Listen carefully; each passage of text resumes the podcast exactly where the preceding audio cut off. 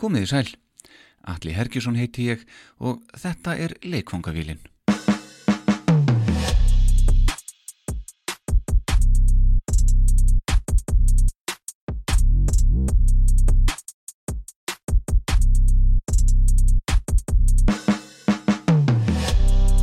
Íslenskar plötur frá æsku árum mínum er það enn og í dag fáum við rándýran gest til okkar. Það er Böttvæser Búdvar hinn tjekkneski sem býður upp á leikongavillina. Plata þáttarins kom út árið 1992 sem gerir hana 29 ára þegar þetta er tekið upp. Ég egnaðist þessa plötu um það leiti sem hún kom út, svona cirka 13 til 14 ára gamall. Það var á þeim tíma sem ég var að byrja að fikra mig áfram á bassanum en startbakkan fekk ég einmitt í fermingagjöf. Þær eru ófáar stundirnar sem ég hef spilað eftir þessari plötu og reyndar ger ég það enn. Fullkominn bassagangur til að læra á hálsin og svo er eitthvað bara svo ótrúlega gott og svalt við þessa plötu sem og gest þáttarins. Þetta er að stórum hluta bluesplata og er hún fyrir löngu komin á háanstall hjá þjóðinni. Við erum hér að tala um meistaraverkið, beinleið og KK-band. Ég tók morgunkaffi mitt með sjálfum KK, Kristjáni Kristjánsinni, þar sem við hlustuðum í gegnum alla plötuna saman og rættum hana. Gæðastund með KK.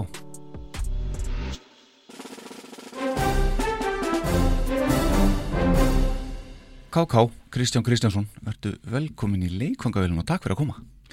Takk fyrir að bjóða mig. Uh, Logsins, þetta búið að vera svolítið laungfæðingjafur. Já, það, já, þú ert búin að bjóða mig fyrir laungu síðan Já. og nú er ég komin. Indislegt. Allt, alltaf á leiðinni en það var alltaf, ég var annar staðar þegar þú varst að, þegar okkar, þetta er fyrsti tími sem við gáttum Akkurat. rata á samferða. Tökum morgunkafið saman. Já. Herðu, þetta er ekki fyrsta viðtalið sem tek við þig? Nú? Nei. þetta er nefnilega ekki fyrsta viðtalið. Nú ætla ég að koma róvart. Þetta er 20 ára gamalt. Heyrur þetta?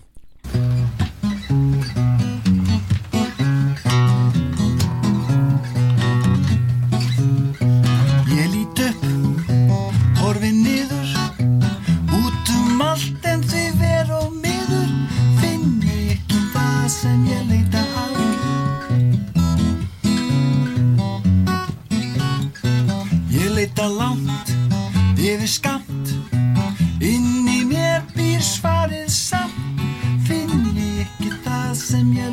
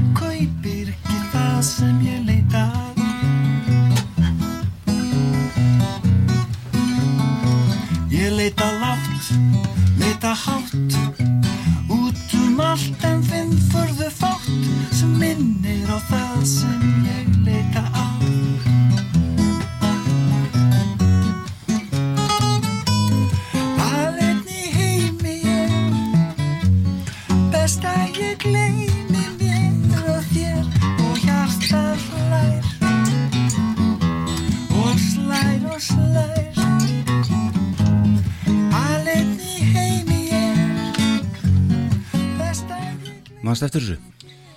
Í, þetta er Maggi, er við Maggi og það er ekki Akureyri. Jú. Já, Þetta er á útastöð sem var þá til. já, við uh, torkið þetta. Já, Já. akkurat. Þetta er, hún, er ekki pulsubúð þetta núna. Já, eitthvað svona. Ég, það er langt sinni komið hana maður. Er, er það?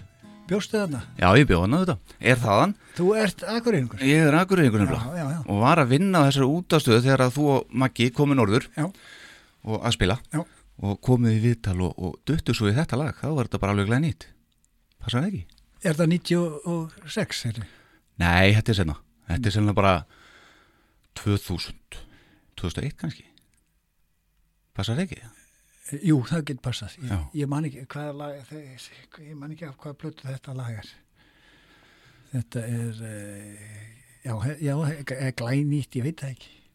Það geti verið, uh, Er þetta ekki af þetta neða, þetta er, Paradís? geti það verið? Jú, þetta er það. Jú, það Nú með fjögur Nú, já, þetta er alveg glænýtt.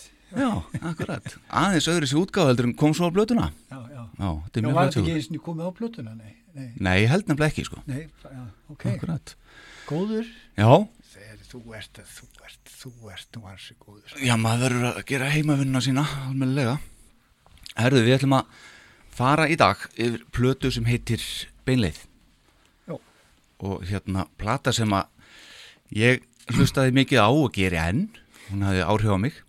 Og hérna sem bassaleikari þá er ég að segja að Þorleifur hafði þó líka áhrif á mig að því ég spilaði þessa plötu eða hún leggur sem ég var að læra. Já, þú ert ekki svo fyrsti. Nei, ég skal Svona þóllöfur hefur áhrif á. Nei, aldeilis ekki maður. Hann er stórkostlegur auðvitað. Hvað hérna, þetta, þú veist nú orðin ég segi nú ekki háaldraður en orðin svolítið gamall er að fara að gefa út Já, þetta er önnur uh, platan sem ég kem út með. Mm Þetta er 92 og 91 kem ég út með fyrstu plötuna sem er Lucky One. Aha. Svo á þessu ári er 30 ár síðan. Já, Og þá var ég 35 ára. um og, þá, og ég hef gaman að því að, segja krökk á það sem eru orðin 30 og, og, og sem eru kannski að vinna tónlist og finnst ekki það að gengið það segi ég frá þessu. Akkurat. Og þá aðeins lifnar yfir þeim þannig að nú, þá er nú ennþá von þó ég sé hann 30 eða 30 Já, en þú varst nú veraldra vanur þarna. E, já, ég hef búin að ferða sotti mm og spila á og spila. Já, og, og þú varst, varst ekki bara götuhotnu bara og eitthvað svo leiðis jú, Nú, ég var busker eins og heitir, Já, akkurat. göttuspilari Já, var eitthvað upp á því var- að hafa já, þetta var, þetta var eiginlega skólinn minn sem ég bý enn að í dag sko. Var uh, uh, ég lærði lærði eiginlega allt sem ég kann í dag eða svona þetta grunnurinn af öllu sem ég er að gera í dag kemur af göttunni eða þessi spilamennsku á göttunni. það var sannlegt.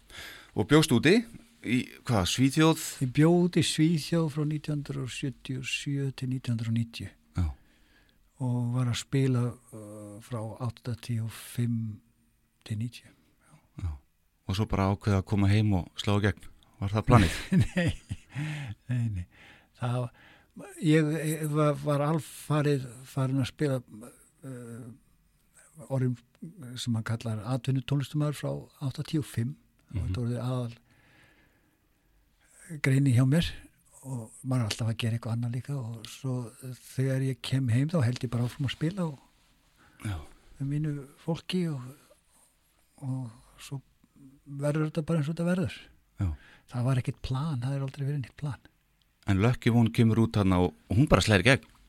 Já, ok, bara gera það. Þá er þetta er ég að koma með mikið efni sem ég hafi verið svona að hóna eða slípa til og hugmyndir og, og frá þessum árum sko mm Lucky One og Beinleið þær eru svona svolítið hráar já, er það? Já, þetta er svona uh, svo kemur Hotel Förir svona aðeins meira pródúsera finnst manni allan að hl- hlusta á þetta Já, Ertu ekki ok. sammála því að? E, já, ég veit ekki, jú, það er kannski þannig, eh, getur vist þannig, sko, en hérna, uh, því þú nefnir Hotel Förjar, sko, þá var Hotel Förjar þegar það kemur út fyrstu árin eftir ég, gerði þá plötu, fannst mér hún aldrei verið tilbúin, sko, mér fannst alltaf að vera svona demo, Já, demoplata, sko, sem ég hefði vilja eða meiri tími, en svona, en eftir á núna, við erum að gefa út núna sapplötu, já, vínilblötu og þá hef ég þurft að hlusta á, hlusta á þessi lög. Það hefur þurrt já uh, já þá það, já, Já. Og, og þá kemur mér óvart hvað er ég er svo ánægð með þessu blötu Já. hátu förjar sem ég var ekki ánægð með þá að því mér fannst hún ekki vera tilbúin Ok, það var svona krafa hún kemur strax ára á eftir beinleið sem var svona mega hittari og ég hefði viljað hafa, hafa haft meiri tíma til að gera hana en ekki í dag í dag er ég mjög ánægð með hana hún er mér svona svolítið flott Ok. meira að segja. En þessi plata, beinleið Jú, mér finnst hún, hún er náttúrulega bara eins og hún er, hún er hún er aðeinsleg. Já, Það er, það er, það er einhver, eh, það er ekkert lag á henni sem má ekki vera þarna, sko, nei finnst mér.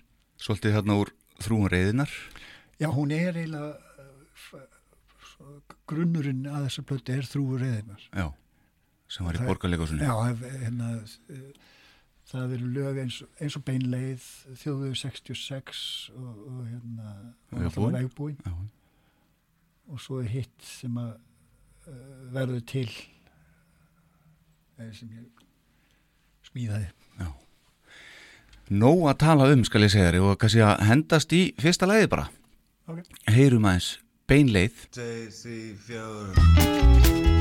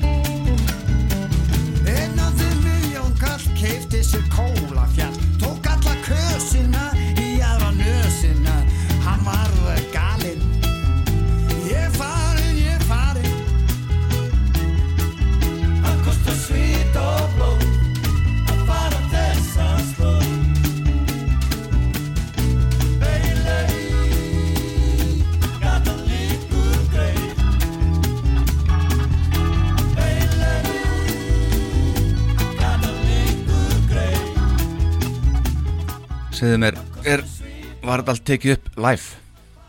Já, ég, já, það er live, já, Já, grunnarnir eru teknir upp live með hljómsveit Mhm. og síðan er náttúrulega bætt við rættir og já, hitt og þetta já Þú hérna sagðir í einhverju viðtali aldrei, við notuðum aldrei klikktrack Nei, aldrei svo leiðir Nei.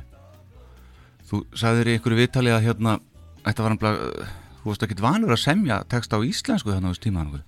Nei, það, það var hérna Kjartan Ragnarsson Já, eh, leikstjóri. Mm Þú reyðinar, við mitt. Já. já, sem eh, rekur núna landnámsetri og í borgarni sjálfsson, konu sinni. Já, og, og hann Siri og þau, eh, Kjartan sagði við mig hérna hann, hann og Óskar komu á tónleikatíminu og báðu mig að gera tónlist fyrir þetta leikrit. Og ég mér fannst það nú bara fyndið þá og ég sagði bara já ég sagði, og hugsaði um leið já, þú getur sjálfur verið kent og svo hérna og svo unnum við hérna í forvinnu í þrjá mánuði í, í leikúsinu sem var svona langur svo til góður tími sko.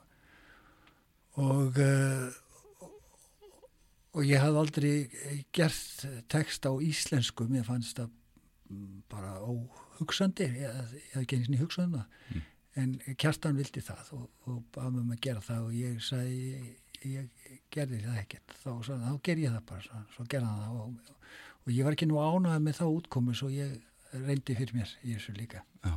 Notaður hans texta þá til sem einhverja grindiða?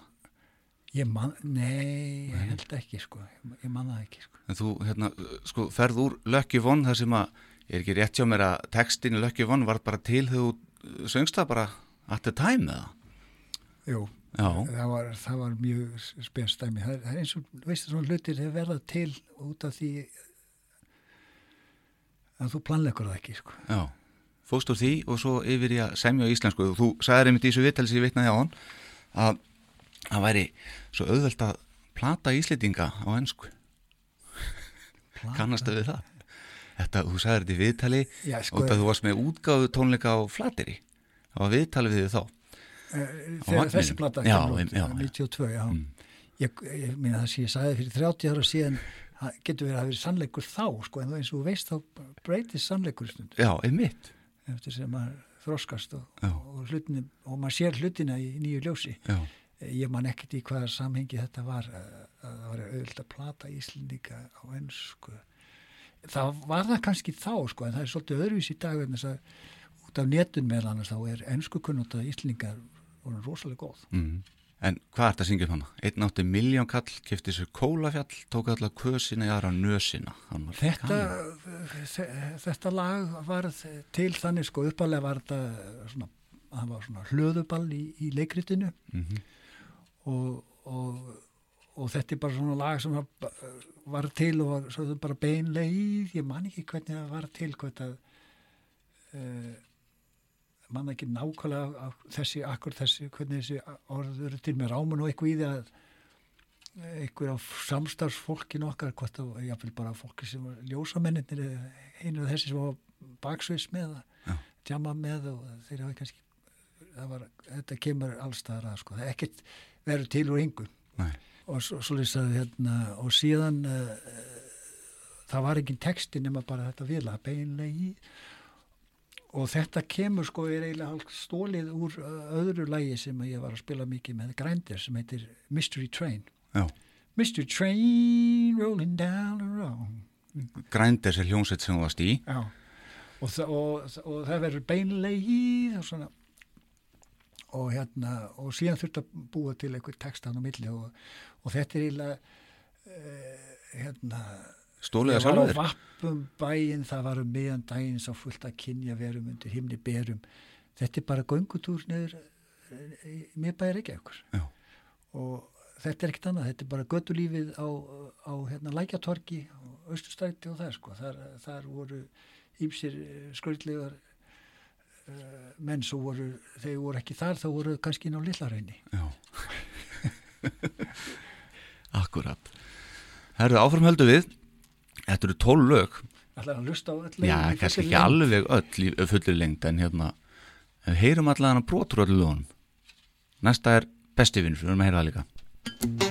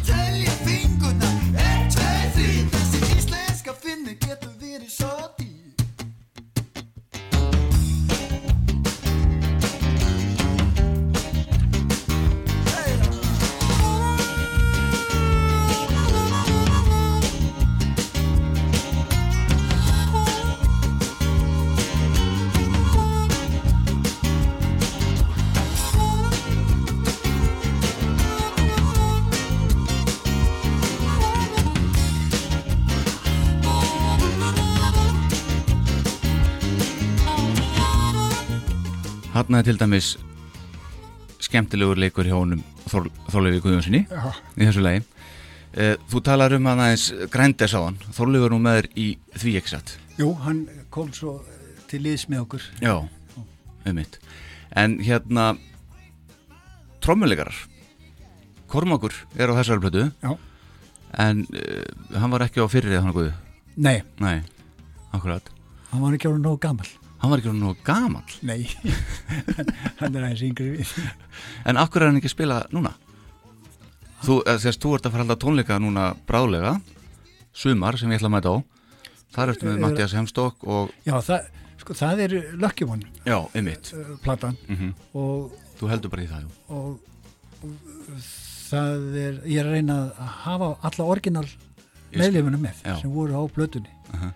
og þeir eru flestir með okkur í dag. Já Þannig að Kormakur kemur bara inn í bandið eftir One Já, hann kemur inn í bandið eftir One. Já. Já, einmitt Þetta lag, besti vinnur, ert að einhver sagði mér að vera að syngja hérna um Steinar Berg Nei, það er, það hefur aldrei, já, hver, ég veit ekki hver hefur sagt það, en ég hef aldrei sagt það. Nei, Nei þú verður undir ekki sagt það Nei. En það var eitthvað máli ekki, millikar Eitthvað sem þú vilt fara í þar Um, nei, ég, jú, það, jú, ég, það, við vorum hérna, ég man ekki út af, hvað, út af hverju það var, það var eitthvað milli útgefenda og listamanna, það var, það var náttúrulega algjör klondæk, Já, hérna, sambandi milli listamanna, mi- milli tónlistamanna og útgefenda. Mm.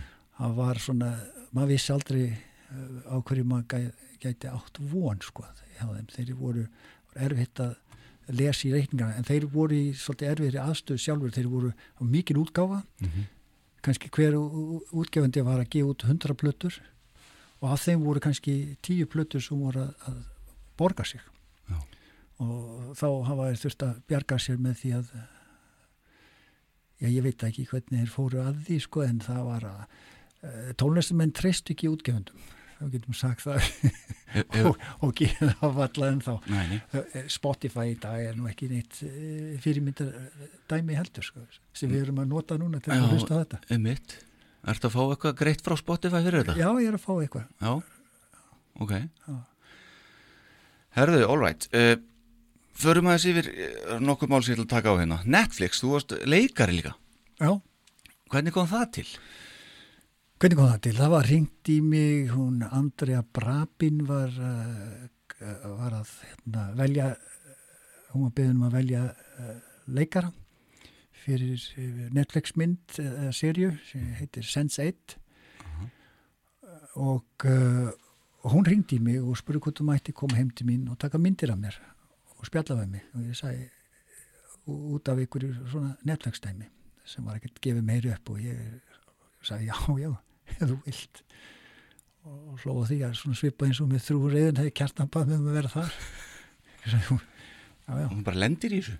Ég lendi í þessi já. Já, og, og hún kemur og, og ég er slagur og hef bara gaman að þessu og svo ringir hún aftur og, og ég er ennþá inn í púlíunni og, og hérna og, og kemur aftur og tekur meira myndbanda mér og, og eitthvað og svo kemur að því að leikstjórarnir hérna sískinin, Vakovski sískinin komið til Íslands og þá eru fimm eftir í púlíunni og þá er, eh, þá er audition áhernar pröfa í, í hérna, Norrannhúsinu Já. og þar eru alvöru leikarar og, og ég. Og þá var ég aðeins svolítið aðeins stressaður að komið svona. En svo fór ég inn og hitti uh, sískinin og sem voru þau þá en það eru þær núna og ég hitti þær sýsturnar og, uh, og það fór vel á með okkur og, og, og ég var valin í þetta hlutverk vel gert Getur þú hugsað að leika meira bara? ég lendi í þessu Ef þú lendir í þessu aftur Já, ok Já, það var mjög, mjög gaman að þessu. Var, við fórum í leiklistanám og alls konar.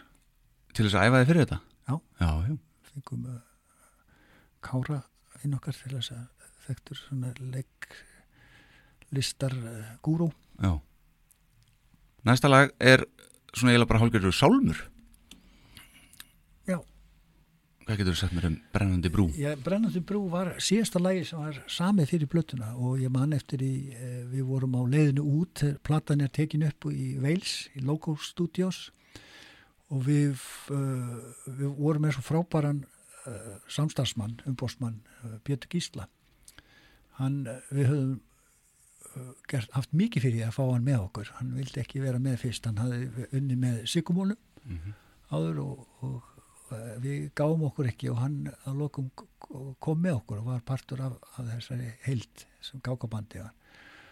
Og hann bókaði uh, stúdjóð hérna út í Veils fjóra vikur með uh, tækni, uh, tape-up sem heitir og Tommy Tom fór með okkur var producent og hérna og, og þetta var síðasta lægi sem áður við fórum út sem var þetta eina lægi sem var eftir. Ég man að ég var farið með mig á hótel Leif Hefna og þess ég geti verið þar einn rétt að við fórum út til þess að klára þetta lag Brennandi brú. Já. og svona eftir á að higgja sko þá er hérna, ég fer í meðferð 95 út af drikju og, og hérna og, og fíknefnum og þetta er eitthvað tengist í finnst mér sko, þetta lag svona eftir á. Það er fullt af lögum sem ég gerði sem kannski ómeðvita þar sem ég er að syngja um um þetta helvíti sem það er að vera í, í ánöðum uh, þessar fíknar. Uh, og svo er þetta bara líka eins og góðu blús, svona sjálfsvorkun. Já. Heyrum tóndæmi.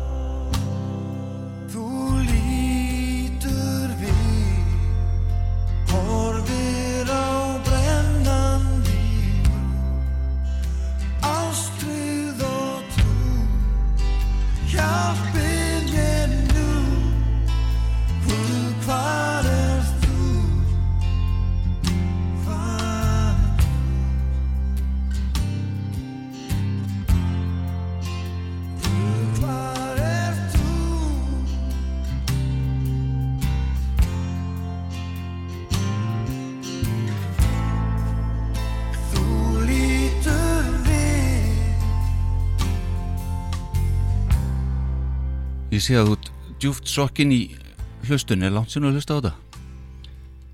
Nei, það er ekkert svo langt síðan ég, hérna, út af þessari samplötu sem við erum að gera. Einmitt.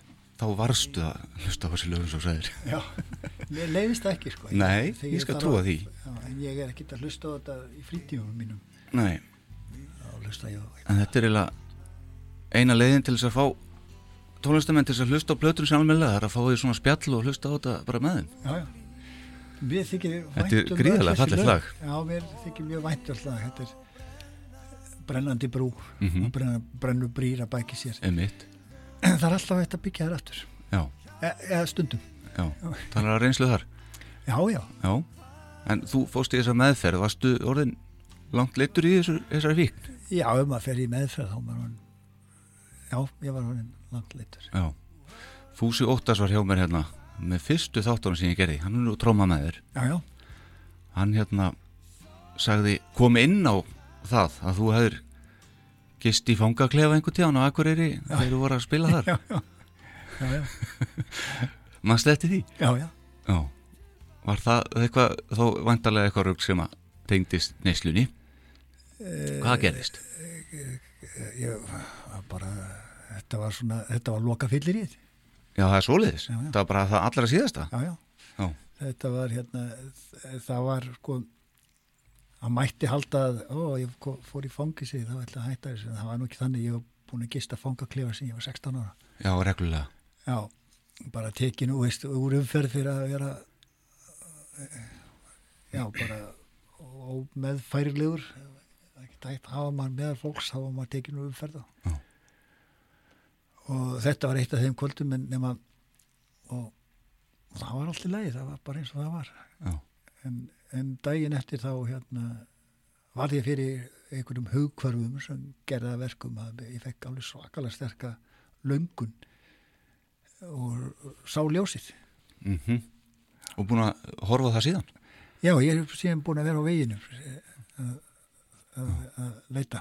Já, finnst þú að breyst eitthvað sem tónlistamæður eftir að þú hættir þá í neyslu og Já, það heldur þú að það farið aðra leið ef að þú hefur haldið áfram í sko ég er 39 ára sko þegar ég hætti þegar þetta er tekið af mér sko þá er ég 39 ára og, og uh, óttinn á þessum árum sko þá var var maður að reykja og drekka og svona það var, og það var svona hvað maður sé, þetta var svona uh, leiðin til þess að semja og, og gera hlutina það er á skakkur og, fullur. Og, og það uh, stytti leiðina að, að hérna, skapandi hlutum en svo var hægt að gera það. Uh, og svo var maður alltaf svolítið hrættur við það að að, að, að maður myndi missa þessa sk sköpunagáfu en þvert á móti sko þá hef ég gert mikið hluti eins og Paradís-platan og uh, sem eru mjög andlegar blötur sem á í raun og veru útkoma af þessari leit sko á þessum vegi Já. mætti segja. Já, bara, mér, Paradís heit Svo, Það er eitthvað við, já, bæði þessi lög og svo eins og af Paradís. Við byrjum nú á einu lagi af Paradís þó að það sé ekki tekið af plötunni en hérna. En það er eitthvað sem nær bara til manns. Já, ég tala verið sjálf á mig, eitthvað svona alveg inn að beini. Þú talar bara einhvern veginn svo skýrt til manns í áðursvöld saman. Af já, þakka fyrir það, er- ég veit ekki, þú ert bara opinn fyrir þessu Já, ég, allir við séum ekki öll að, við erum öll á veginum að, að- leita. Og, en við erum ekki öll á sama veginum. Nei, nei. svo eh, kannski ég hafði bara heyrist eh, frá vegi til vegar. Ég hrópaði við skurðin hei, ég er á þessum vegi. Já, það er eitthvað var í hann, já, það er fín kom yfir, ég kemst ekki að skurður á milli. Það er brú hann aðeins lengri sem ég var að byggja þetta er kannski brú já, yfir skurðin, þessi lög Það er mitt, það geti verið. já, Herðu á venjulegum degi, þarna er nú, ertu með gestnaður? Mástu hver aður? já, já.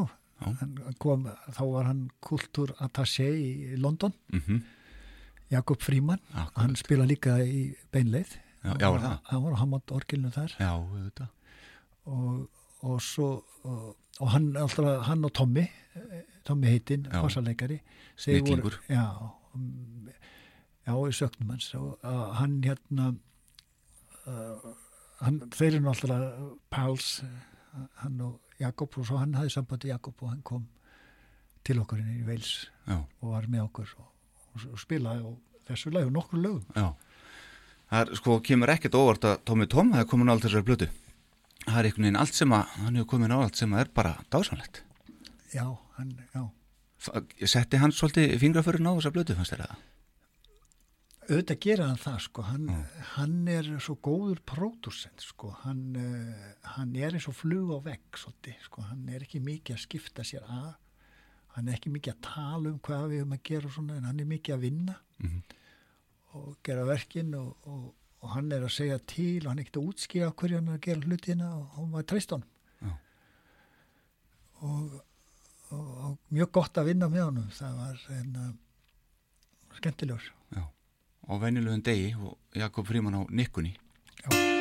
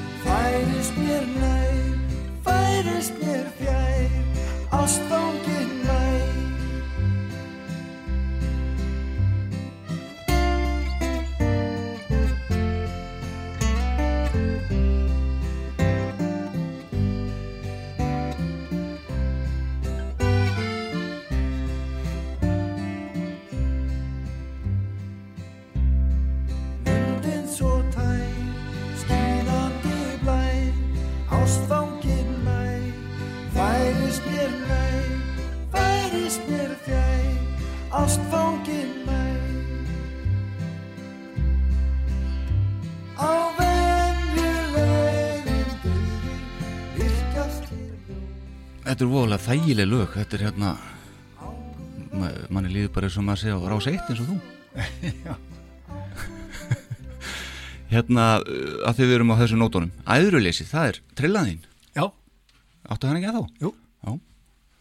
Hvað, hérna, ertu með pungaprófið og hvað það heitir og hérna? já ég, ég ný, hef nýlokið tveggja ára námi í stýrmannarskólanum. Já. Eh, 2018 þá lauk ég 45 metra náminu 500 brúttólestis Já. skipstjórnarréttindi Sæll. Já.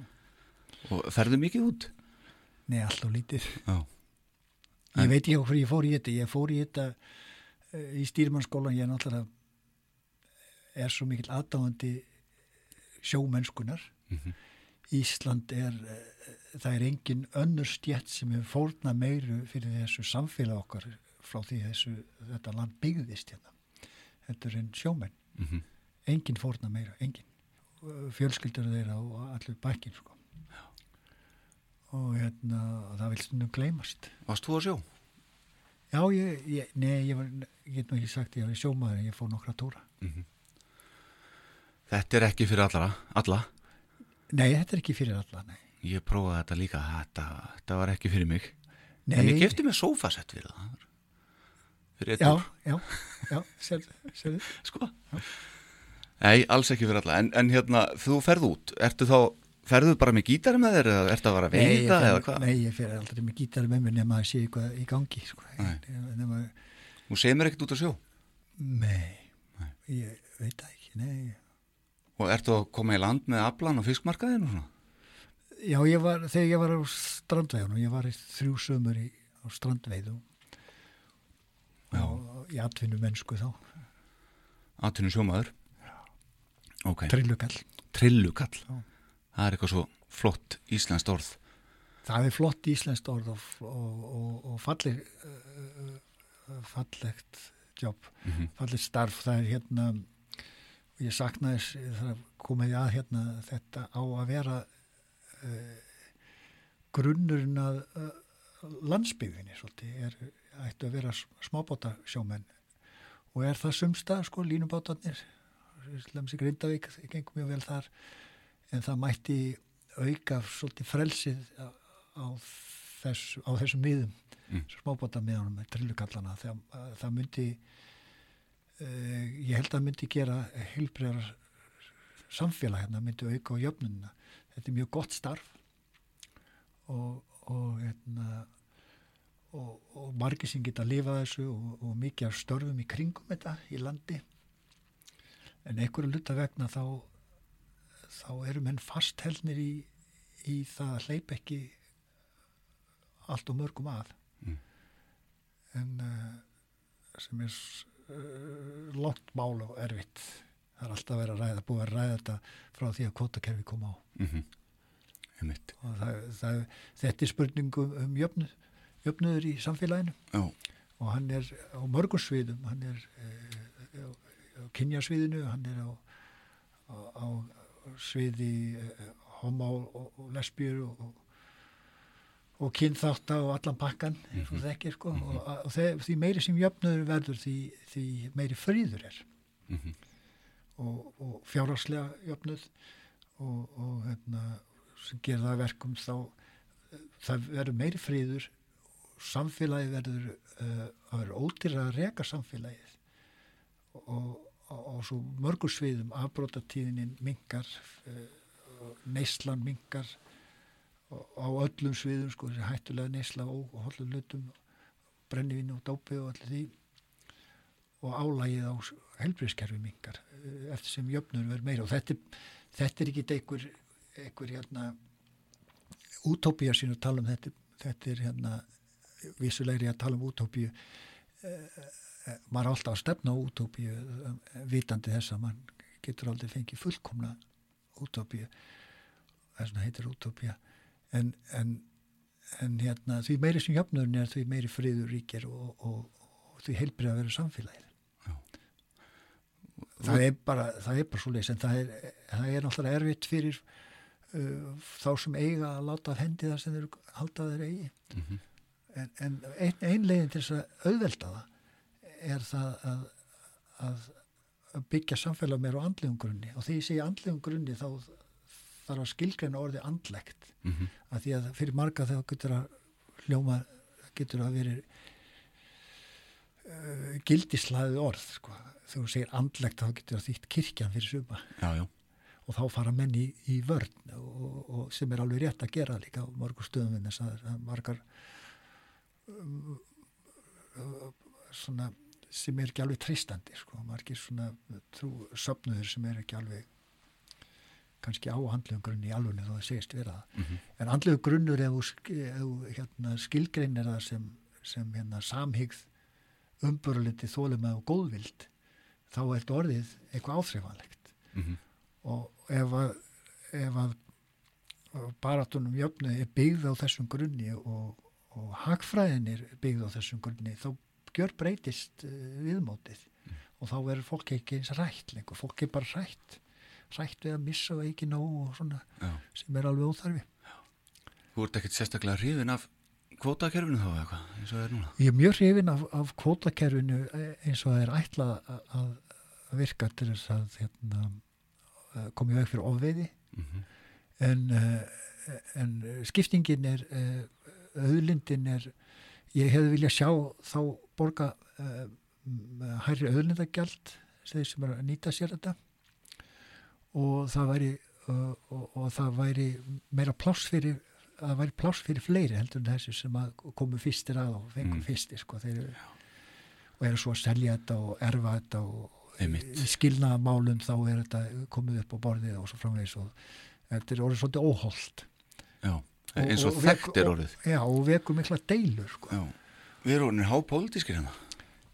Já, þetta er pólitík já, já, Já, er það ekki? jú, ekki. Það er svo margt pólitík. Við erum hugsaður að fara bara í frambóða já, ég hef hugsað það en, en ég kem aldrei til með að gera það því að það, þú ferði einisnin inn þá átt ekki afturkvæmt. Nei, inn í uh, þú missir svolítið trösti held ég. Já, ákveðum hópi.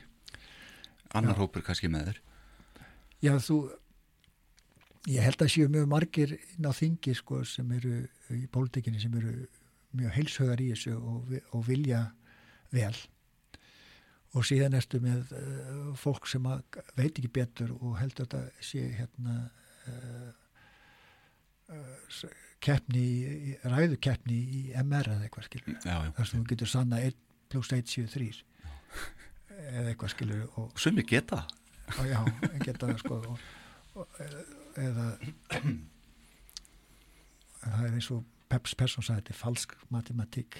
Akkurat. Þjóðvegur 66 Fjallæg síndist Fjöldin er að blá. Fundu hvorki sjálfa sinni Eitthvað sem þau frá. Á þjóðvegi 66 Ó, þjóðvegi 66 Manneskjur og flótta Ástað og ferði gegnum New York og Disneyland Og nýðar þessi með Allir beigðu vestur Geld í sömu á Sáttu upp á plassinu Það hafði engin hátt. Á tjóðvegi 66 Fjalla eftir síðist Fjöldin er að blá. Fundu hvorki sjálfa sinn Eitthvað sem þau frá þjóðvegi 66 Ó, þjóðvegi 66 Jón Nokk Steinbeck, hann fór þessa slóð og hann skrifaði skruttu um undarlega þjóð. Um fólk í nauðum sem leitaði að náð, mætti fjandskap allt þetta skráð. Á þjóðvegi 66, hörlung á spilin, kjöð var ekki góð. Jón okkur Steinbeck hann fór þessa slóð, hann skrifaði skruttu um undarlega þjóð. John Steinbeck sem er þá höfundur þrúriðinar. Þetta er úr þýleikriti. Þetta er náttúrulega um fólk í nauðum sem leitaði að náð. Mætti, fjandskap. Þetta er fólk, þetta er raun og veru um það byrjar á þessu þrú reyðinar og fer svo út í víðara samhengi sko. mm -hmm.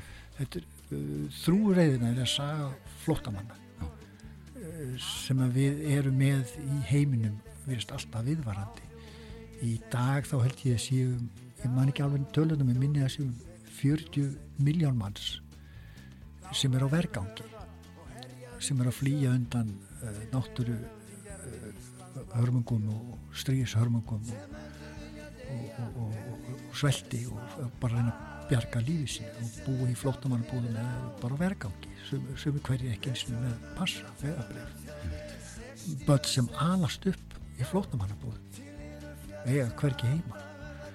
Og þetta er í, í og þeim er mætt með fjandskap þeir koma siglandi í bátum en það er ekkert svo langt síðan að Vietnamar voru að flýja Vietnam eftir stríði uppgjörið átti sér stað það þá voru þeir á, á bátafólkið mm. 75 og það er í kring þeim var í bátunum var bara ítt aftur út í sjó já, já. við tökum ekki á mót ykkur og uh, er nú enn svolega, svona líka og þetta er svona í miðrahafinu sem mm -hmm. við þekkjum núna fólki sem er að flýja undan strís átökunum í, í, í, í miðausturlöndum eins og það heitir Já. og uh, og lausnin er náttúrulega uh, umhyggju og er, þessi ótti sem býr í okkur um að eitthvað sé að koma að taka eitthvað frá okkur og fólki sem elur á þessum útlendingahattri og, og, og flótamannum eins og hérna er á Íslandi og, og víða hvar í Evróp og svona og segja þetta séu hérna fólk sem er bara að reyna að komast í lifa af kerfinu okkar og það er ótti sem er þarna sem er, sem er alveg óþarfi sko því að við eigum auðvitað taka og, og við eigum að hjálpa fólki að vilja þetta gera, að gera það flestir sko. mm -hmm.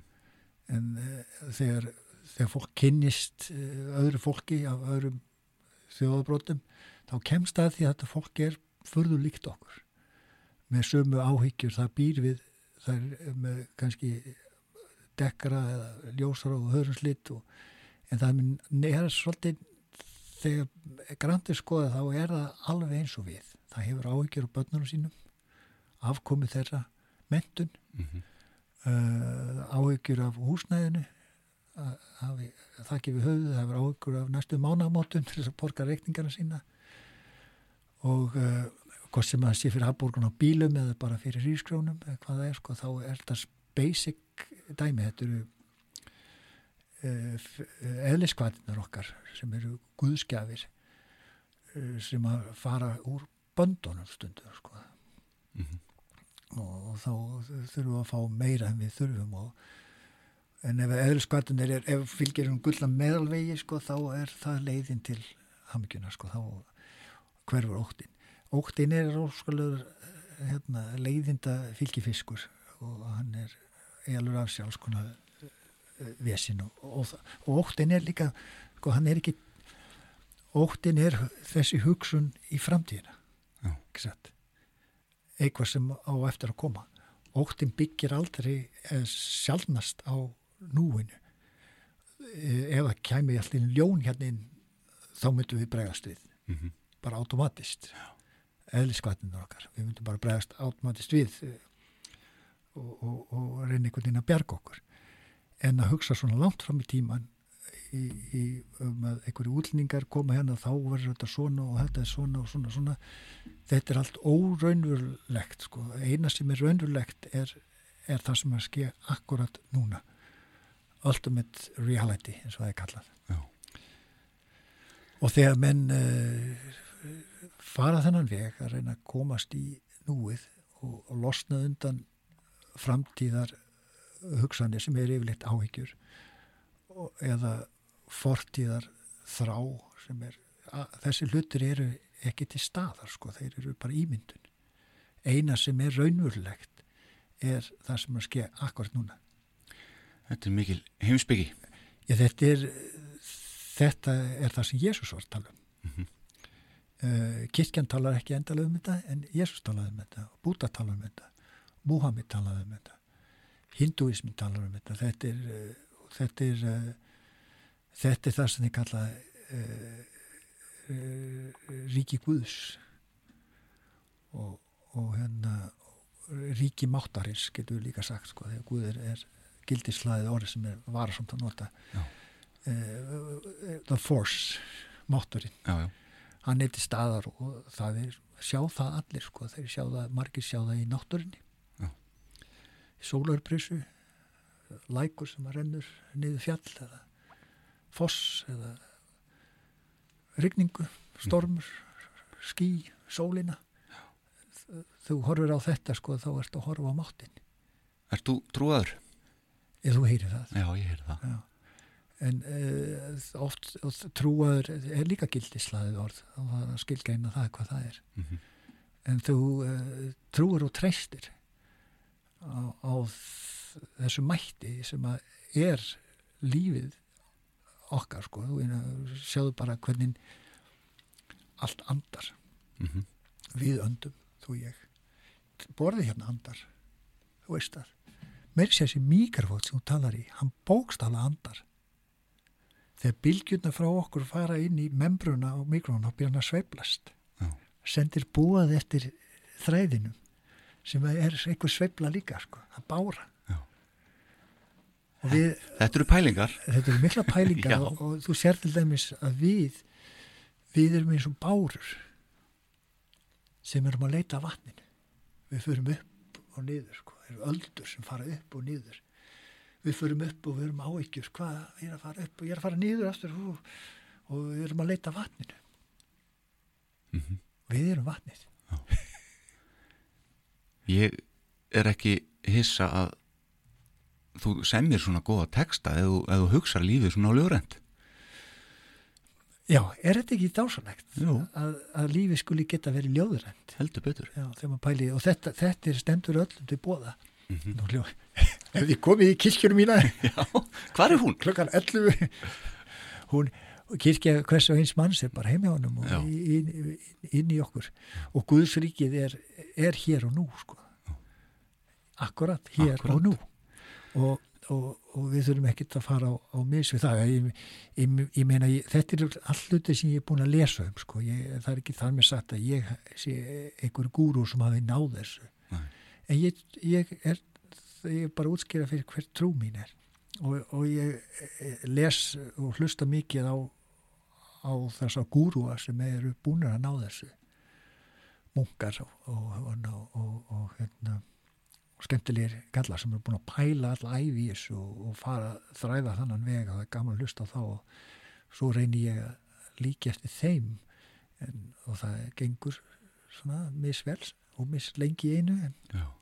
maður er mennskur í þessu samfélagi en, en maður þráir maður þráir að fá samfélagi inn í á þessum nótum að byggja samfélag á andlegum grunni Mhm. þetta er það sem ég tala um andlegu grunnur er, er, er, er þessi samhigð umbörðalindi, þólimæði og góðvild.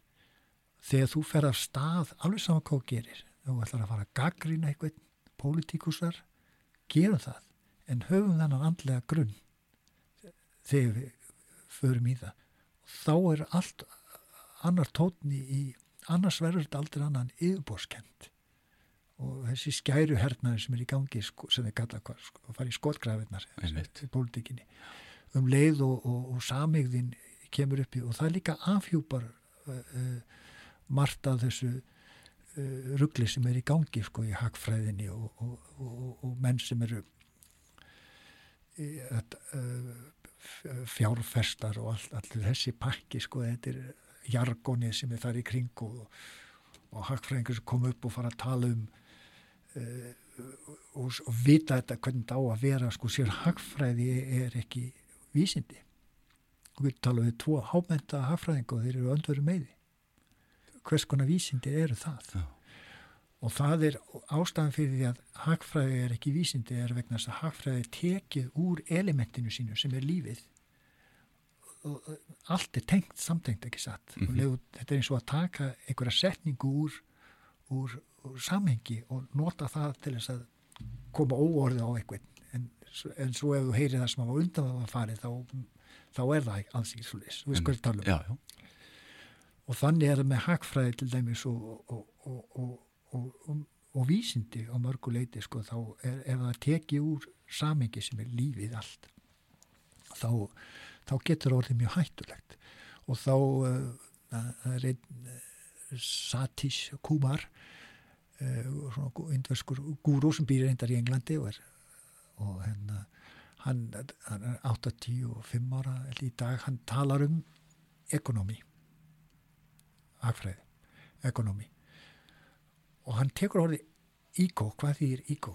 Ígó er dreigið af einhverju orðis arki að ég man eitthvað orðið var sem þýðir heimili Mm. nómi þýðir rekstur íkonómi þýðir þá heimilisrekstur og ef þú ert með heimilisrekstur þá verður að hafa líka þá verður að hafa þekkingu á heimilinu að það fyrir að reka, ekki satt? En íkonómar læra ekki íkológi íkológi er, er heimilisfræði. Já. íkológi íkológist og ef að það er með íkonóminu þá er þetta orðið að, að hérna vísindagrein sko, þá er þetta orðið vísindarlegt. Þá getur þú fara uh, treyst og trúa þetta.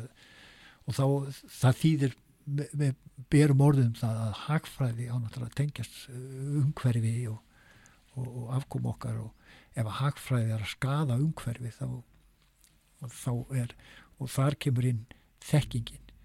Hún, en hagfræði er meira rekstur. Ef ef þú ert að reka heimili þá voru að hafa þekkingu á, á heimilinu Þetta er bara eins og sitja tíma í háskólan að fá þig. ég, ég, það, nú er ég bara að slá um mig með orðum manna sem hafa stútir þetta Já. og ég, Þetta er- svo þú- ódýrt, ódýrt hjá mér en, en, en kannski vekur það einhverja til umhugsuna sem við ja, kafa ónýtt og, og allir endur taka nafn á mannum þetta er Satish Kumar Satis Kumar. S-A-T-I-S-H K-U-M-A-R ég heyrði það nefnitt í podcasti fyrst hjá hérna Russell Brand Já, já, svona eins og erum í núna já. Tjökkum á honum. Káká, næsta lag er Heim. Hvað getur þú sagt mér um það? um, þetta er lag sem er um, kannski múskant eða Mhm. einhvern sem er á ferðalegi og fara út að sigra heiminn og skilur ástin eftir og þráir samt alltaf að komast heim Já, heyrum það.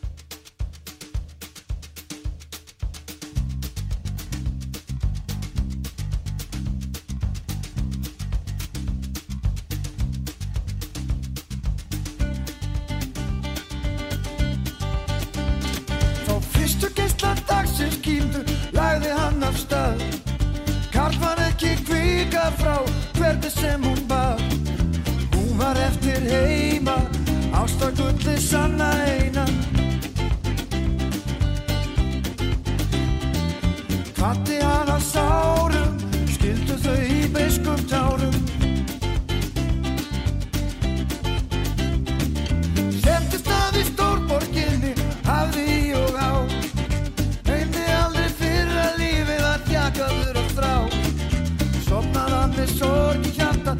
Þá hugsaði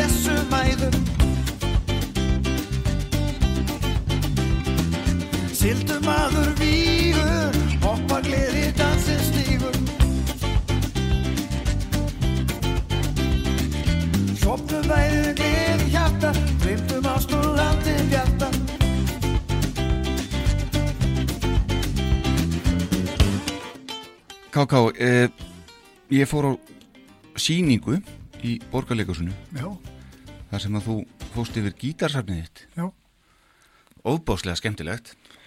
Já. Hva, hvernig kom það til? Þetta er nú svolítið sérstöku hugmyndið ekki?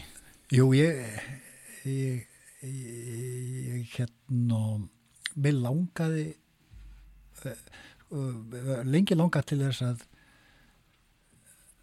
æfa einhverja sögu uh, og bresta í söng á réttum stöðum. og, og þá var þetta, þá, þá þarftu handrit til þess að gangi alveg upp sko. Þú, maður gerir það stundum yfirleitt á tónleikum þá ger ég það bara þá, þá tala ég bara uh, bara frýtt fram og, og breytist það frá, og stundum texta og stundum ekki en mér langaði að vera með fast handrit sem var útpælt og svo þú veist, bara eins og dansspor koreografi uh, saga og tónlist og milli. Og, og, og ég á svo góðum vinn sem er frábær leikstjóri svo besti sem heitir Jón Gunnar Þórðarsson og hann var til í þetta með mér. Og saman skrifuðu við handrit og, og hann leikstýri þessu dæmi og við gerðum þetta. Hugmyndin er þín?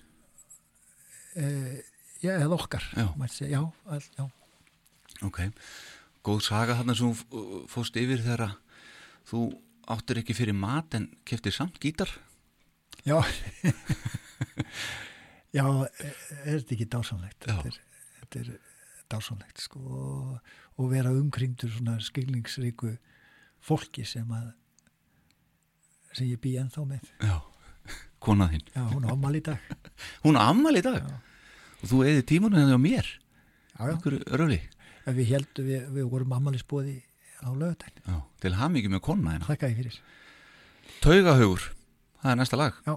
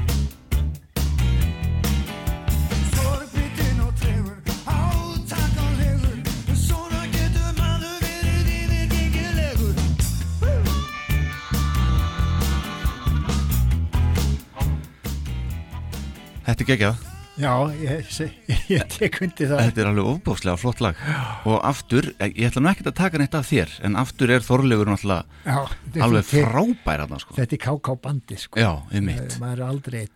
Nei, nei, nei, auðvitað ekki en þetta er svona, þú Þú sem bassarleikari heyrir, heyrir snildinu þarna. algjörlega svo óbáslega flott hjá Já. en hérna uh, bara KK, þetta er svona ekta Þú ætti að fá KK. þollefti. Ég ætti alveg að gera það, Já. það er nóg að tala um það líka maður, tekið orðinu ég fæ hana tíminn, þú mælið með mér kannski við hann, Já, ég ger það. Þú gerir það. hiklaust. geggjað hérna, en já, þetta er svona ekta KK-lag KK-band lag, Já, við erum gaman að spila þetta læfið ekki að, ég er ennþá að spila þetta. Já. Einn og, og með hljónsittum. Já, herðu, ok, við skulum eru nokkuð lög eftir, við skulum bara fara strax í næsta lag, talandi dæmi Huðung og þráði, fegur og söng. Nú er hann komin í peningaþröng. Þetta er talandi dæmi. Talandi dæmi. Þetta er talandi dæmi og ég viss að það kæmi að mér. Tinni er hetja, vinnur í raun. Sumi vilja meina að hann drekki á laun. Þetta er talandi dæmi. Já, talandi dæmi. Þetta er talandi dæmi og ég viss að það kæmi að mér. Jósa fat, fat, fat, rólindist kall Pálína leikur sér við týrandi jarm Þetta er talandi dæmi. Þetta er talandi dæmi. Já, talandi dæmi og ég viss að það kæmi að mér. Rólindist kall Týrandi jarm Rólindist kall Týrandi jarm Rólindist kall Týrandi jarm Rólindist kall Fiðlung og þráði, fegur og söng. Nú er hann komin í peningaþröng. Þetta er talandi dæmi Talandi dæmi. Þetta er talandi dæmi og ég viss að það kæmi að mér. Talar og talar, segir ekki neitt. Ég þóldi ekki lengur og mér þykir það leitt. Þetta er talandi dæmi. Talandi dæmi. Þetta er talandi dæmi og ég viss að það kæmi að mér. Já, talandi dæmi og ég viss að það kæmi að mér. Þetta er talandi dæmi og ég viss að það kæmi að þér. Hvað er Ginger Breaker? Trommusólu Er það einhver enga hómor eða?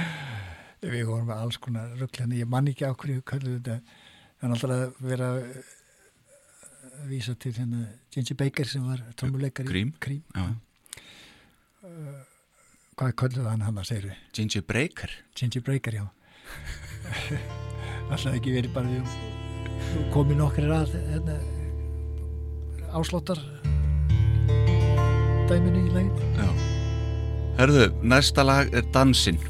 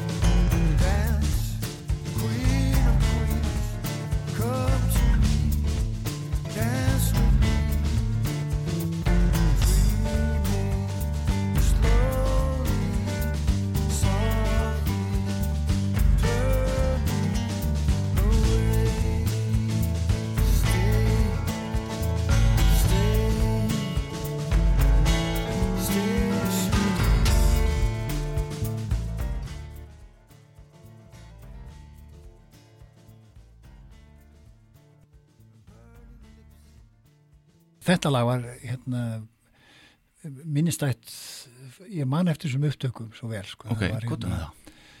uh, kommi spilar trommur og það teki upp hann er í öðru herbyggi Ok, í byrjun sko, þú heyrir það nálgast eh, hérna í byrjun einmitt. þegar hann kemur inn og, hérna, og Jakob Fríman var komin hérna frá London Já, til Veils til okkar og hann tók upp dásanett piano í þessu lægi og ég man hann, eh, við vorum búin að taka upp lægið og svo settst hann við flíilinn Mhm. og gerði tvö teik og svo þegar hann búin að gera teikin þá fór hann inn í, í hérna, kontrólherbyggið, mixerinn og settist niður þar og editeraði og gekk frá já, sjálfur sko. og, og æðislegt spil hjá hann um heldur betur. Já. Uh, samstarfið þitt við Magga Eiríks, með Magga Eiríks. Já. Það er nú búið að vera uh, lífseikt. Já, ég, ég kynnist uh, Magga í Rín, hljófaraverslunum Rín sem var á frakastinum, ég átti heim á frakastinum. Þau eru fastu gestur þar þó. Já, við vorum krakkarnir, fórum bara hérna í frímyndum og Östubanskólanum og mættum hérna og bara, veist, við vorum bara starstruck að lappa hann í búðinu og skoða alla gítarana og hvað kostar ódýrasti gítarinn og þessar spurningar sem voru daglegar hjá honum. Og uh, og svo þegar ég var 19 ára þá lappaði ég inn í búðinu og spurði hvernig ég geti fengið vinnu þarna og fekk vinnu og vann hann eitt ár kynntismakka. Þá var hann að vinnað uh, plötunir fyrstu mannakorsplötunir ég að annari manna ekki. Þá til 76 Mm. 7 76 og 7 og síðan fer ég út og ég held sambandi en send honum bref og send honum, ég maður send honum bjór það var bjór ekki veður hérna Já, auðvitað. Já, og ég sendi honum ímislegt annað líka og hérna Eins og hvað? bara svona gera lífið skemmtilega, Bærilegra. bærilega og hérna svo kem ég heim 90 og og, og makkir með okkur eh, fekk hann með í, að spila með okkur í hérna uh, Lucky One blötunni og, og, og ég hef alltaf verið mikill aðdáðandi þess makkar og, og hann er alltaf frábær lagarsmiður bæði tónlistarlega og, í lírikinni í, Ekki síður. já, hann eitt sá besti sko, Mm í mínum huga. Er miklu uppaldi á mér. Og svo uh, 90 og 5 eða 6 þá eh, segir maður ekki nú ef ekki gera plötur saman og, og hann til í það og þá gerði við hann ómissandi fólk. -hmm. mjög meðvita hittust á hverjum degi og unnu saman og gerðum, þetta er einn á uppáhaldsplötunum mínum ómissandi fólk. Er að koma út 96 og hérna og síðan uh, gerðum við ég held að við sem búin að gera 6 eða 7 plötur saman Já, einmitt. Ferðalögin og Já, einmitt. Uh, en, næsta lag er úr Bíómynd, já, Sódóma. já og Óskar Jónasson Já, leikstjóri þar og, og mikil, hann og komið miklu vinir, æsku vinir Mm -hmm. og spiluðu saman í hljómsveitum sem ég man ekki nöfnin á núna og hvort hann var ekki saxofónleikari Er það? Já, hann spilaði saxofón í Það vissi ég ekki. þessum hljómsveitum sem ég því miður man ekki akkurat núna hvað ég héttu og eh, það var mikið sköpun í gangi hann þetta voru fólk úr lista geirónum eins og Óskar og, og teiknari og, og, og mikið listamæður Mhm. og uh, hann, hann meðal hann sko teiknaði þessar skrýpómyndir af okkur fórsíðun á, KK á beinleðuplötunni Er það Óskar? það er Óskar Jónasson Er það? Já, þetta er hann sko. Og ég er ennþá að nota þessa Já, já. teiknumyndir. Ég átti svona ból veginn þegar ég var krakki. Já, við seldum bóli hérna. Já. Við vorum með mörg, mörgs, Já, já. bóli og, og, og hérna húur. Já, Og hérna, uh, og, og hann uh, þekkti Björk uh, mjög vel líka. Mhm. Hvort þau höfðu ekki verið item líka. Nú, voru para einhver tíma. Ok. Svoleiðis og, og, og þekkti okkur. Og, og hérna, svoleiðis hann uh, fekk okkur til þess að gera óborgni borg. Lions uh, Hauks. Hauks Mortens Viljáms og Skáholti Mhm. og sem við gerðum og fengum leiði hjá Hauki hann var lág á þá á dánabeði þá og ég þekkti Hauk og ég fór til hans og, og fekk hans blessun að Mhm. gera þetta Af hverju þetta lag? Er þetta eitthvað sem þá bara passaði myndinni eða? þetta var sem að Óskar valdi Já, honni okkur og, og það gekk mjög, mjög vel að gera það og svo, og svo annar lag sem er myndinni sem heitir eh, Slappað af já. Sem er svo næsta lag, næst síðasta lagið. Já, sem var lag sem að uh, Jónas Jónas R hafði sungið með Flowers Já, í Kanada. Förum yfir það á eftir. En þetta, sla, eh, og Borg mér borg, hvernig var að vinna þetta með Björk? Ég, í minningunni held ég að við sungið þetta saman með svona bara eins og við værum bara hérna inni þú og ég svo var bara skilur á milli okkar svo sunguð þetta. Já. Ég man ekki út við spilaðum nei, það getur við gert það. Heyrum og Borg mér borg og Sódóma Reykjavík.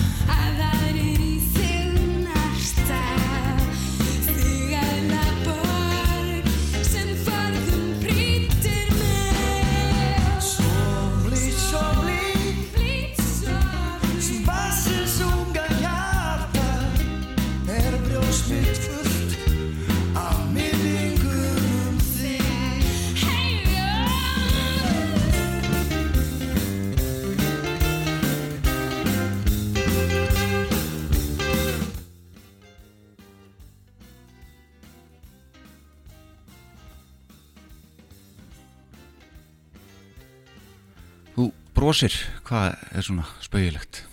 Uh, var gaman að heyra þetta. Já, Já þú bara skemmti þig svona vel að heyra þetta. Já, það er gaman að heyra þetta. Þetta er Þetta er frábær útgáfa. þetta er frábær útgáfa. Þetta er, uh, Já. þetta er bara, Bjöggustu við að þessi mynd yrði svona rosalega vinsæl og, og bara, uh, já, og, og já, byrjum á því, vinsæl. myndin. Já, Sódóma Reykjavík. Ég, ég, ég, var ekki að það? Nei, Nei. nei, Nei. Ég lendi bara í þessu. Þú lendir í þessu. en þessi mynd er náttúrulega ákveðin stalli hjá okkur í dag, sérstaklega eins og minni kynslu. Já, já, já. já. Þetta er svona mikið kvöld. Já, mikið kvöld. Einhvern tíðan hitti ég Óskar og ég spurði hann hvernig hann ætlaði að gera Sódóma 2. Já, já. Hann gaf ekki mikið fyrir það. Ætti að- Þú ætti að fá hann hinga líka. Ég ætti kannski að gera það. Já, já, þú veist. Sérstaklega því að þú ert að segja mér hans er tónlistamæður. Já, já, hann, eh, ég- Með saxafónin. já, já, hann spilaði á saxofón. Ég, Það vissi ekki maður. Herðu, næst síðasta lagi hjá okkur, slappa af úr sömu mynd. Þarna er það svolítið kaotist. Undirspilið hjá okkur. já, er það? Já, finnst þér það ekki? Þetta er rosalega hratt lag. Já, ég meina það. Já, Það var ekki svona með fláðis. Var það? Undirspilið? ég ætla að vona ekki að þetta, ég veit ekki. Nei. Ég man ekkert hvernig þetta lag, ég ætti að heyra það. Byrjum þá aðeins að heyra það.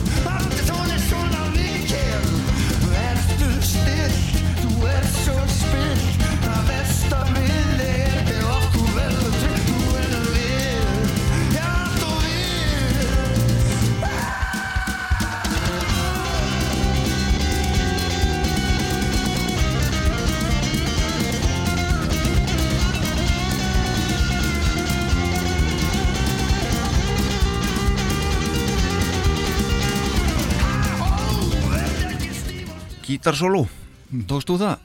Já, já. Það er nú ekki mikið um það hjá þér í lögurninu svona hörku gítarsóló. Nú. Mér finnst ég alltaf að vera eitthvað sóló. Er það? Það hefur bara farið fram hjá mér eða eitthvað?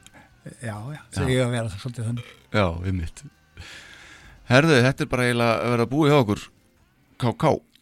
Hérna, ef þú lítur aðeins yfir feriliðinn og allar þessar plötur sem þú hefur gefið út, uh, hvað stendur upp úr? Ef, þú- þurftir að eyða öllum plötum og ein mætti standa eftir og þér er þið minnst uh, sem fyrir hana, hvaða plati er það? Þetta er rosa erfitt, ég veit það. Góð spurning. Já. Mjög fín spurning þér. Þetta er, ég hef aldrei heist hann að varpa svona fram á þér. Þetta Nei. er, hver er upp á plata þín? Þetta er góð spurning. Um, uh, en sem betur verið það þarf ég ekki að gera þetta sem Nei. spyrja um Sem betur fyrir maður. fyrir mig sko því að uh, lögin öll Mm uh, nánast öll sko eru og líka eftir sem að kannski var maður óanað með þá í, í fyrstu og eftir og síðan heyr maður þá löngu síðar og maður hefur einhvern veginn uh, sér þau allt öðru ljós í dag og mm, maður gætt oft verið svo krítiskur og dómharður og, maður sér í þessum líður á að það var alveg óþarfi Mm. svo að það er mjög erfitt að skilja eitthvað út undan Já. í dag það voru plötur, eh, ég get nefnt nokkra sem voru eh, sístar hjá mér sem er í dag og þarna er miklu uppáldi Ok, og það er eins og Hotel Förjar sem ég nefndi í byrjun akkurat. sem ég veist alveg frábær plata í dag þegar ég er að hlusta á hana, ég má segja það Já. það er alveg bara fín sko, mér ekki mér fannst ekki eins mikið til að koma þegar eftir hún kom fyrst út og í mörg ára og eftir í dag þegar ég heyri hún á hvað var ég að hugsa og eins önnur plata sem heitir Heimaland Mm uh, sem ég gerði Hvernig er katalógurinn? Já, sem ég gerði þess þá eh, svona, mér fannst ég hafa kastað til hendinni þegar ég gerði það þá og svo heyri henni í dag og svona alveg meiri áttar sko. Já. Mörg lög sem er já, ef, ef ég má tala svona um sjálf á mig er, er lögin sko eh, er miklu sáttari við þau í dag en ég, en ég var sko. Já. og það er ég er bara mjög sáttur við þetta Við ferilinn. já, ég meina Og hvað hann er ekki búinn, nú eftir maður. Ég er mitt að vinna í plötu núna Já, og er að taka upp uh, svona þér að segja það fer ekkert lengra. Jú, það má alveg tala um það, það er, uh, ég er að vinna með hérna, Halli Ingóls Já, veistu hvað það er? skeppnu. Já, Já, já, já, já. ham Ég er nú ekki að kalla hann skeppnu, sko. Nei, nei. Hann er hljómsveit sem heitir skeppna Já, og hamuð þetta og var það trómari. og er uh, hérna, mitt tónlistamæður hann hann sá um tónlistina í, í hérna síðustu veiðiferðina Uh sem er alveg frábær og var líka ástæðan til ég leitaði til hans. Já, og ég er búin að vita á honum í, í langa tíma sko, og svo lágu leiðir okkar saman og ég hafði samband við hann hvort hann væri til í að taka okkur upp. Og hann var til í það svo ég, og ég hafði samband við Skúla Sverris, bassaleikara og hann var til í að vera með líka og Davíð Þór bjónleikari og hann var til í það og Gaukur. Já, hérna, hérna slætt og, og Mhm. mönnurspurleikari hann og við erum að uh, erum búin að taka upp fjögur, fimm lög og er það er bara undir nafninu KK þá, eða, sest, Já. já, þetta er ekki KK band. Að þið heyri strax að þú ert að halda fram hjá Þorleiði hann.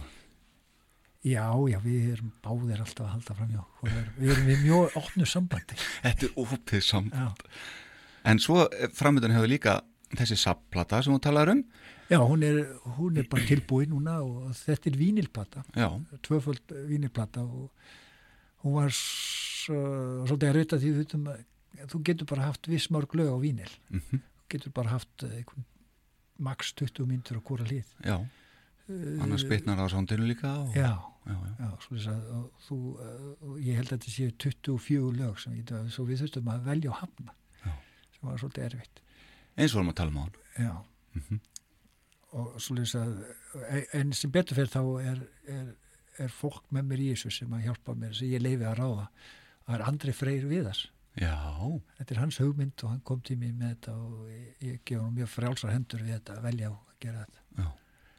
og, og Reykjavík Records gefa þetta út já, já. og ég held að hann kom bara út í næsta mánu Frábært, maður er að tryggja sig eintaka henni. já, En svo eru tónleikar í sumar eins og við tölum um áðan. Vonandi, ef að allt 16. verður... júni er, er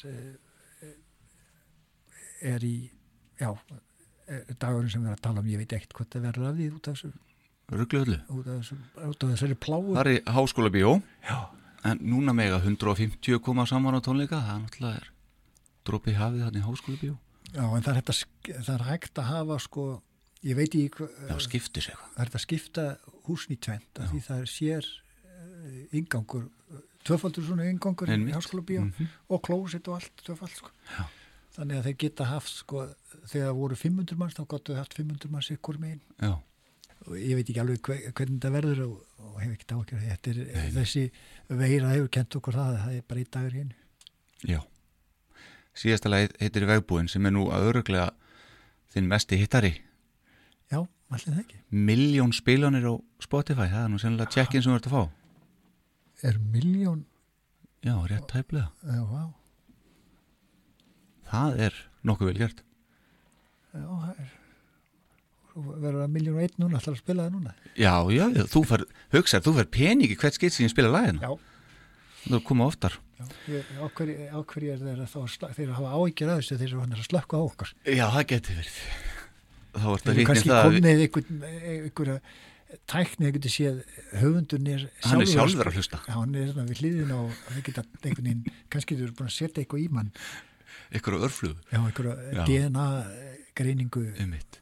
Og svona fyrir hlustendur þá ert að vitni það að við erum búin að vera vandraði með Spotify hérna. Það slekkur allt á sér þegar við erum að spila. Já, en þú ert eftir að klippa það Ég hef eftir að klippa alveg eins og brjálaði einhver eftir þetta. Áttur þú vonað að þetta lag myndi ná svona í gegnum þjóðinni?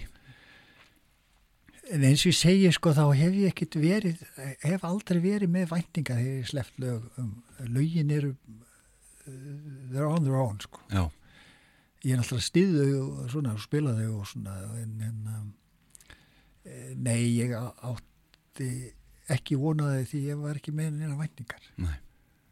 Hvernig séum maður svona lag? hvernig Já. sem maður svona lag Mhm. það bara kemur til Og bara í gítar. sófánum og svo ertu bara að strömma eitthvað og svo er það eitthvað.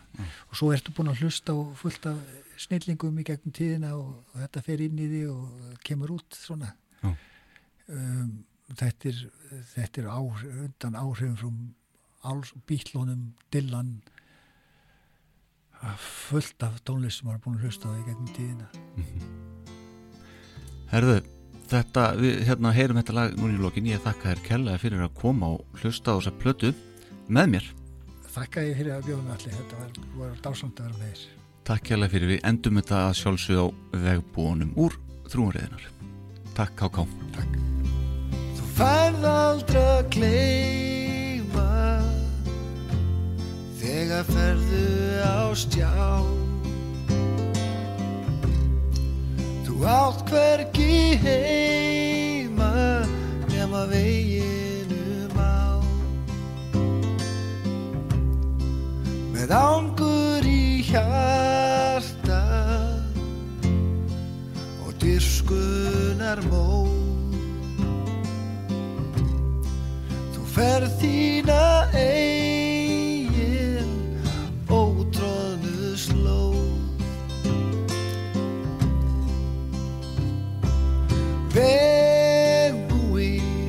success